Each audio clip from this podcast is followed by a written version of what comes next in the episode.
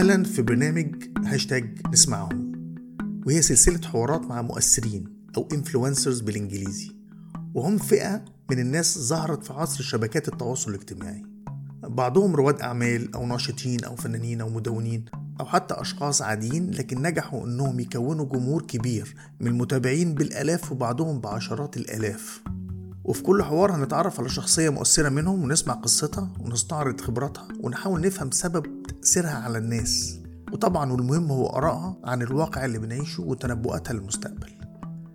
أنا أحمد عزت مؤسس موقع ابتدي www.ibtidi.com أول موقع لإنتاج البودكاست بالعربي.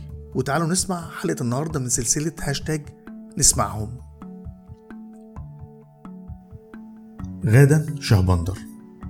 غادة أنت عندك 215 ألف follower على تويتر؟ انت ناشطة حقوقية وعضو سابق في المنظمة المصرية لحقوق الإنسان وكاتبة سيناريو ومؤسسة لحركة شايفينكو وشاعرة بالإنجليزي ومدرسة بالجامعة. إيه اللي تضيفيه عشان نتعرف عليكي أكتر؟ أظن أهم صفة بنسبها لنفسي إن أنا أم. أنا أم لأربع شباب. هم كانوا الدافع والهدف لكتير قوي من أفعالي وأعمالي وتصرفاتي في الحياة. أنا اشتغلت حاجات كتير قوي في حياتي منها التعليم منها الدفاع عن حقوق الإنسان منها الكتابة. البداية كانت في التسويق والدعاية والإعلان وهو عالم بلاستيك خالص. علمني كتير. لما تشوف البلاستيك تعرف الحقيقة. فأنا اشتغلت في البلاستيك كتير فعرفت الحقيقة واخترت الحقيقة إن أنا أكون أم. طب ممكن توصفي لنا نشأتك؟ إيه اللي شكلك؟ أنا اتربيت في بيت مرح. أنا أبويا كان جراح متخصص في الأورام وده مجال مش مرح ابدا لكن هو كان شخص إيجابي جدا. أشوف أبويا داخل من بره بالبهجة والسعادة وشخص إيجابي جدا ويعلمنا إن إحنا نعمل كل حاجة بنفسنا وما نعتمدش على حد ابدا ونضحك ونهزر. ووالدتي شرحه امي ست اجتماعية جدا هي ما كانتش امرأة عاملة هي كانت ربة منزل لكن هي كانت ست برضو فيها كم من البهجة عندها عيلة كبيرة ثلاث إخوات وجدتي وجدي وهم كانوا امتداد لبيتنا الصغير. بيتنا كان دايما زحمة ودايما في ناس. عيانين أبويا هم اصحابه يعني كانوا يجوا الأول يبقوا العيانين وبعدين الحمد لله ربنا يمد في عمرهم ويتجاوبوا مع الجراحة اللي هو كان بيجريها أو العلاج اللي بيلي الجراحة. فيبقوا أصحابه فيبقوا جزء من بيتنا. فناس داخلة وطالعة على طول في بيتنا و أم وأب بيشجعونا إن إحنا نجيب أصحابنا البيت. فأصحابي دايما عندي في البيت. أصحابي داخلين طالعين بايتين في بيتنا. ودايما في حيوانات. دايما في كلاب أول ما وعيت على الدنيا كان عندنا كلب اسمه معلش. معلش كان كلب بودل كبير بتاع واحد من قوات حفظ السلام. وبعدين اتنقل من مصر فساب لنا معلش. فانا اول ما وعيت على الدنيا كان عندنا كلب ودايما كان عندنا حيوانات في البيت وكان دايما أبويا يقول إنه الحيوان مهم جدا بيعلم بني آدم حاجتين كويسين قوي الرحمة والمسؤولية. فأنا اتربيت في بيت مبهج في مزيكا كتير أمي وأبويا دايما بيرقصوا. يعني أنا دلوقتي حتى لما اتصفح صور أمي وأبويا أغلبها هم بيرقصوا. بيت فيه مزيكا. اتربيت في حي المنيل. والمنيل حي لطيف جدا هو يعني الطبقة المتوسطة المصرية. كان في ثلاث سينمات صيفي حوالينا. فكنا دايما في الصيف أول ما الصيف يبتدي ثلاث مرات في الأسبوع بنروح سينما سينما جرين وسينما منيل بالاس وسينما الجزيرة. نشوف فيلم عربي وفيلم أوروبي وفيلم أمريكاني. ده كان البرنامج. ودايما كل صيف برضو بنسافر نروح اسكندرية. كان المصيف شيء مقدس إن إحنا بنطلع المصيف أول يوليو ونرجع في آخر أغسطس شهرين. كان أبويا يقول عليه استثمار في صحة الأولاد. اتربيت في بيت ده شكله دخلوا ناس كتير بقى من العالم كله يعني برضو من الحاجات اللي لازم أذكرها لانها فرقت جدا جدا في تكوين شخصيتي إن أهلي كانوا يعرفوا ناس من كل الجنسيات. كان لهم أصحاب من أفغانستان ومن إيران ولنا عيلة في سوريا وقرايب في لبنان وأمريكان من الجامعة الأمريكية. فكان دايما بنشوف ناس مشكلة متنوعة مش شكل واحد. فمن صغري برضو عرفت إنه الناس آه، أشكال مختلفة لغات مختلفة أديان مختلفة عادات وتقاليد مختلفة وكلهم كلهم فيهم مزايا وكلهم فيهم حاجة نتعلم منها. والدنيا تبقى بايخة جدا لو كل الناس زي بعض مش كده؟ آه لو كل الناس شبه بعض هنزهق.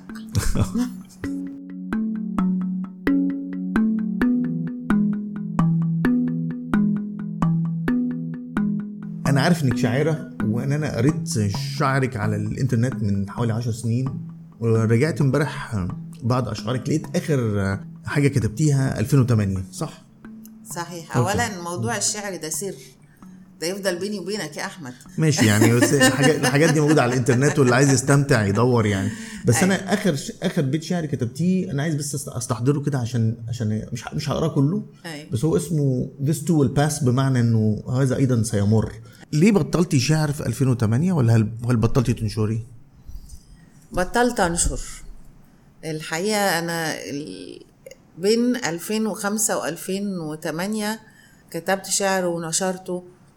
وأظن إن في قصيدة بعد اللي أنت قريتها دي وهي عن القاهرة عن المدينة البائسة عن قاهرتي. كنت زعلانة قوي من القاهرة آه، حين ذاك وبعدين اتصالحنا. وبعدين ما بقتش قادرة أكتب شعر واللي بكتبه مش بنشره لأنه البني آدم أما بيكون عنده حاجة عايز يحكيها أو شعر عايز يقوله لازم تكون حالته النفسية تسمح بالنشر أو بال- بالمشاركة. فوقتها كنت قادرة أشارك كنت أكتب الحاجة وأحطها على موقع على الإنترنت اسمه Poem Hunter وندخل في نقاشات عن الشعر ومن خلال الموقع Poem Hunter ده اتعرفت على شعراء في العالم كله عرفت أساليب للكتابة مختلفة لكن على أي حال ده بيحتاج طاقة معينة الواحد ينشر ويتكلم عن آه، اللي هو كتبه ويقرأ حاجة ناس تانية وي- ويتكلم معاهم عن اللي هم كتبوه ده محتاج طاقة معينة. بعد 2008 2009 ما بقتش حاسة إنها عندي.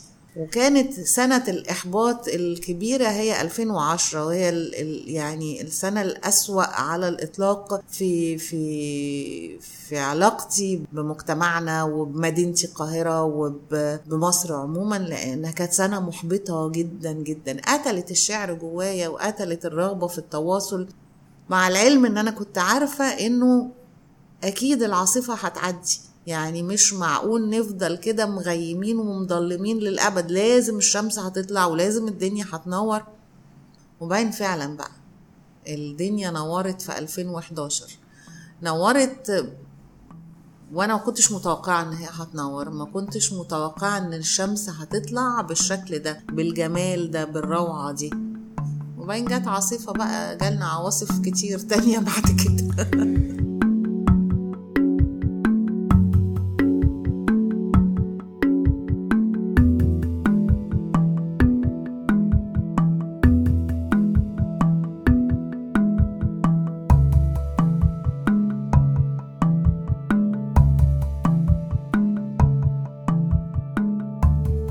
أنا حسيت وانت بتتكلمي دلوقتي قلتي 2005 ل 2008 أنا أنا عارف إن انت حكيتي لي زمان يعني عن حاجة حصلت في 2005 أثرت فيكي أو غيرتك. وأنا حاسس إنك انت الفترة اللي إحنا عايزين نغطيها النهارده هي من 2005 ل 2015 مش عارف ليه 2015 بعتبر إن هي موسم الهجرة للجنوب يعني آه بالنسبة لك. صحيح أنا في 2015 آه، مشيت من القاهرة. لأنه القاهرة كانت بتقتل روحي قتلت روحي فعلا. 2005 حصل أحداث في حياتي غيرت غيرت حياتي للأبد الحقيقة. أنا كنت في 2005 بنتهي من رسالة ماجستير في الجامعة الأمريكية يوم 25 مايو 2005 تحديدا. واتصلت بيا صديقة عزيزة عليا صحفية اسمها لميا راضي. كانت بتغطي لميا كانت بتغطي مظاهرة لحركة كفاية. الأول كانت عند ضريح سعد وبعدين راحت عند نقابة الصحفيين في وسط البلد. وفي وسط البلد قوات الأمن بتعليمات من أمين الشباب في الحزب الوطني اعتادوا على الستات والصحفيات اللي بيغطوا الحدث والحقيقة وناس كانت معدية الستات كانت معدية. فكان في هجوم بشع بشع على السيدات في مظاهرة كفاية قدام نقابة الصحفيين. انتهى بأنه صحفية اسمها نوال علي هي توفت دلوقتي الله يرحمها اتضربت وجردوها من ملابسها. فأنا لميا كلمتني وأنا في الجامعة الأمريكية بقدم بيبر بيبر النهائي بتاعي.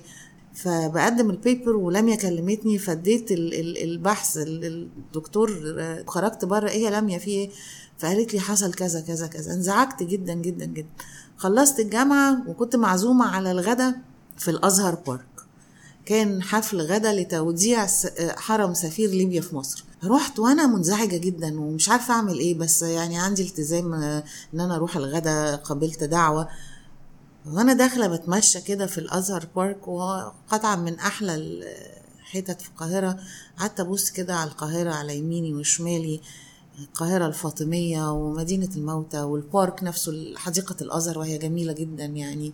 وإيه اللي بيحصل لمصر؟ وإيه القبح اللي إحنا عايشين فيه ده؟ ومش دي البلد اللي أنا اتربيت فيها؟ وده مش هجوم على مظاهرة ولا على صحفية ده هجوم على قيمنا هجوم على معتقداتنا هجوم على عاداتنا وتقاليدنا هجوم على كل حاجة إحنا اتربينا عليها. فلما يهجموا على ده خلاص يبقى إحنا ما بقاش فاضل منا حاجة. خلصت الغدا ويوميها الستات بقى بيتكلموا في مواضيع مختلفة كتير وأنا مش مركزة معاهم. أنا عقلي في حتة تانية. باين واحدة سألتني قالت إيه يا غادة أنت جاية من الجامعة إيه الأخبار؟ فقلت لهم أنتوا عارفين إن في مظاهرة أنتوا عارفين النهاردة في استفتاء على مادة من الدستور أنتوا عارفين الناس اللي اللي موجودين في في المظاهرات اتضربوا.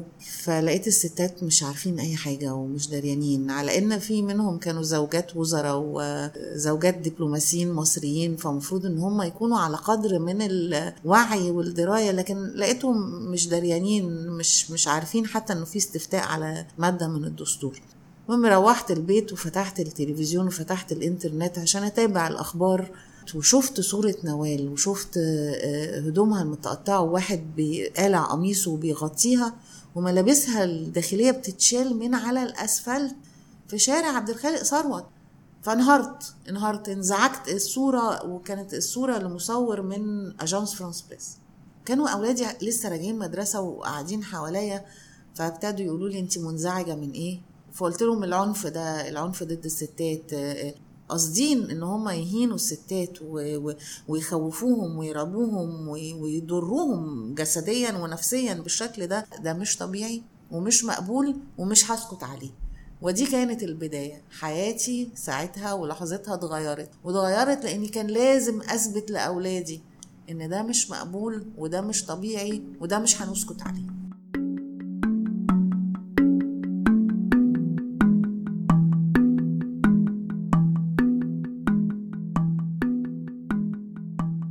كنت عايز انتقل معاكي لموضوع خبراتك النوعية بس زي ما انت قلتي خبراتك كتير ومتنوعة فمش عارفة ابتدي في إيه. ونقول إيه ولا إيه. فعايزة أرجع معاكي للفترة بتاعتك اللي هي 2005 ل 2015 وعايزة أدردش معاكي وأسمع منك انطباعك عن الفرص الضايعة من رؤيتك للفترة دي. الفرص الضايعة الحقيقة عنوان رائع للعقد بتاع 2005 ل 2015 لأن أظن أنه النظام الحاكم والمجتمع وحتى الثورة اللي أنا بنتمي إليها. أنا انتمائي وبوضوح للثورة المصرية ثورة 25 يناير 2011 إلا أنه المجتمع النظام الحاكم والثورة ضيعوا فرص كتير قوي قوي قوي قوي إحنا كان متاح لينا نقلة كبيرة وأهدرناها. والبداية كانت في 2005 في أواخر 2004 حركة كفاية وحركة كفاية لازم دايما نفتكرها بالخير لأنها أثرت بشكل كبير في في تاريخ البلد دي وفي في المجتمع ده. هسمعك حاجة ما انت ما سمعتيهاش من زمان وعايزك تديني أول انطباع لما تسمعيها. تمام.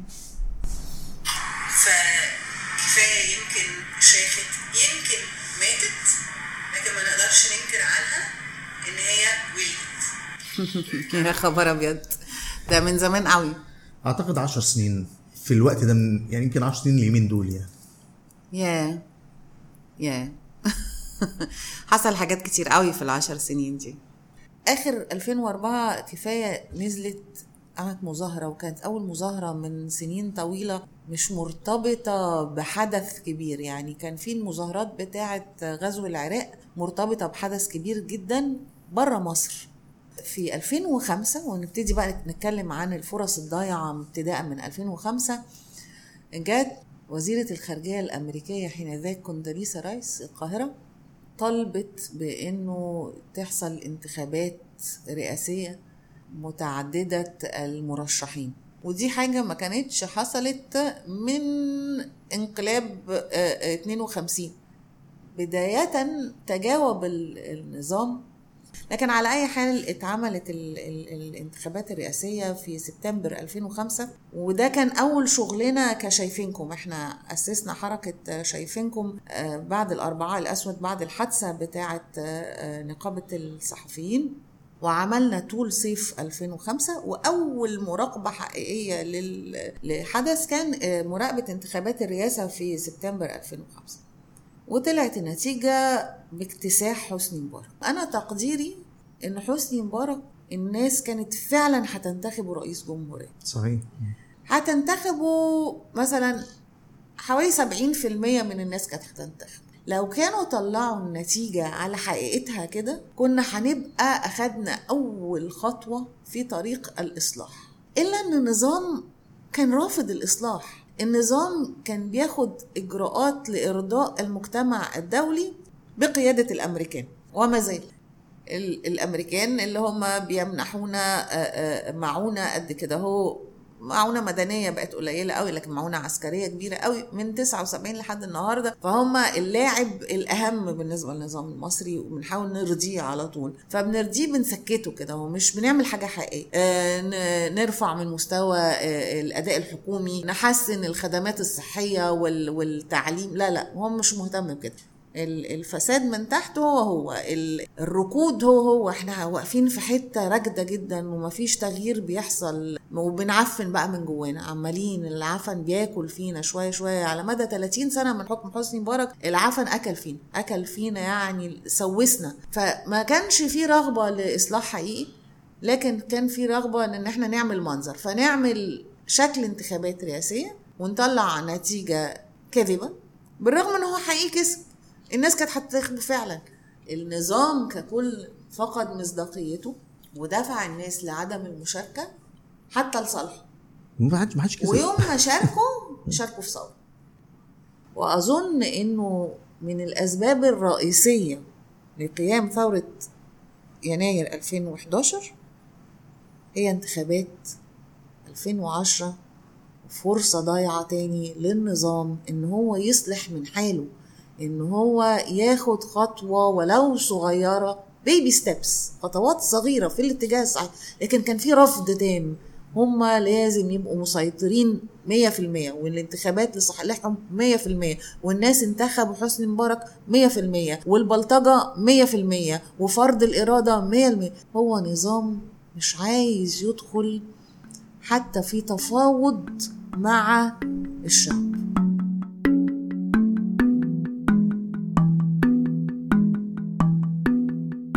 كنت عايزك تعلقي لي خبرتك في التعليم الفرص الضائعه في التعليم. عدم الاستثمار في التعليم هو من أكتر الفرص اللي ضاعت علينا. الحكام طول الوقت بيعايرونا بإن إحنا بنتزايد. دول بقوا 80 مليون بقوا 90 مليون. طبعا. لو عندك 100 مليون متعلم ومتمكن وناشط ومشارك كان هيبقى استثمار جايب همه. لكن لأ الاستثمار في الشرطة والجيش وفي السلاح بتاعهم وهيحموا النظام إزاي؟ مش هيحموا المجتمع. لكن إحنا العقلية دي مش موجودة. طب تعالي برضو نضيف لف- الفرص الضايعه في حق المرأة. أنا بحط المرأة والشباب في سلة واحدة سلة المهمشين. نظام الرجل العجوز همش المرأة والشباب ولم يستثمر في مشاركتهم. فين النساء من السلطة؟ مهمشين. فين النساء من المال؟ مهمشين. بالرغم من إنه حاجة 30% من الستات فاتحين بيوت في مصر. خليني. خليني أرجع لموضوع أنت لمستيه مهم جدا. الفرص الضايعة في السلطة القضائية بعد ما النظام ضيع فرصة انتخابات حقيقية في في 2005 سواء بانتخابات الرئاسة ولا انتخابات آه، مجلس الشعب حصلت حركة آه، استقلال القضاء وكان لها علاقة مباشرة بالانتخابات بالمناسبة لأنه هي اللي ابتدى حركة استقلال القضاء إنه في ناس طلبت بالتحقيق في تزوير الانتخابات بمعرفة 28 قاضي كانوا مشرفين على اللجان العامة. لكن اللي ضيع ال- الفرصة حقيقة هو صراع بين الإسلام السياسي والتابعين للدولة. والمستقلين ما قدروش إن هم يكونوا تيار قوي بعيد عن الإسلام السياسي وبعيد عن الدولة. الفرص الضايعة في السينما؟ الفرص الضايعة في كل الحركة الإبداعية في في مصر. ال- النظام السياسي بيدي مساحة من الحرية آه، الناس ما تقدرش تتعداها. والمبدعين بيمارسوا حتى مع نفسهم آه، آه، رقابة على إبداعهم. فنبص نلاقي إنه طبقة المنتجين اللي شغالين بشكل تجاري في مصر قريبين قوي من النظام لأن هم لازم يحموا فلوسهم. فالإبداع متكبل من أوله. مش مش مش بس لما يوصل لرقابه لأن بقى بعد كده في التصاريح وإحنا لحد النهارده على فكرة ما عندناش قانون منظم للسينما.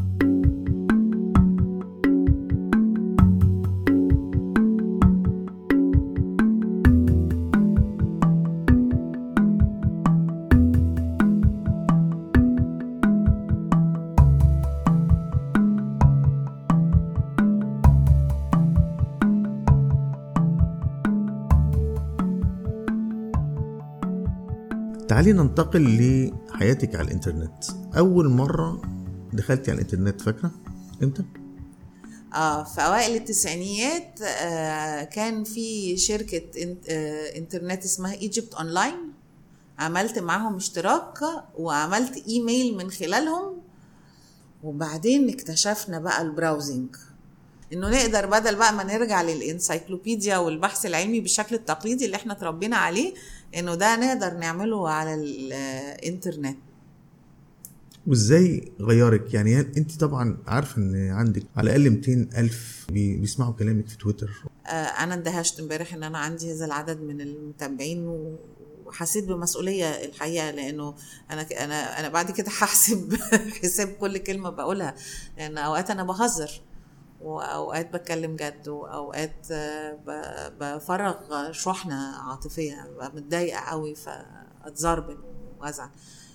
في سنة 2013 لما حصلت المواجهة بين الإسلام السياسي وال والنظام النظام الحاكم اللي هو نظام عسكري كان العنف بينهم وصل لدرجات بشعة جدا وكان أي حد يدخل يتكلم في أي موضوع لو لم يبدي ولاء لطرف من الطرفين لازم.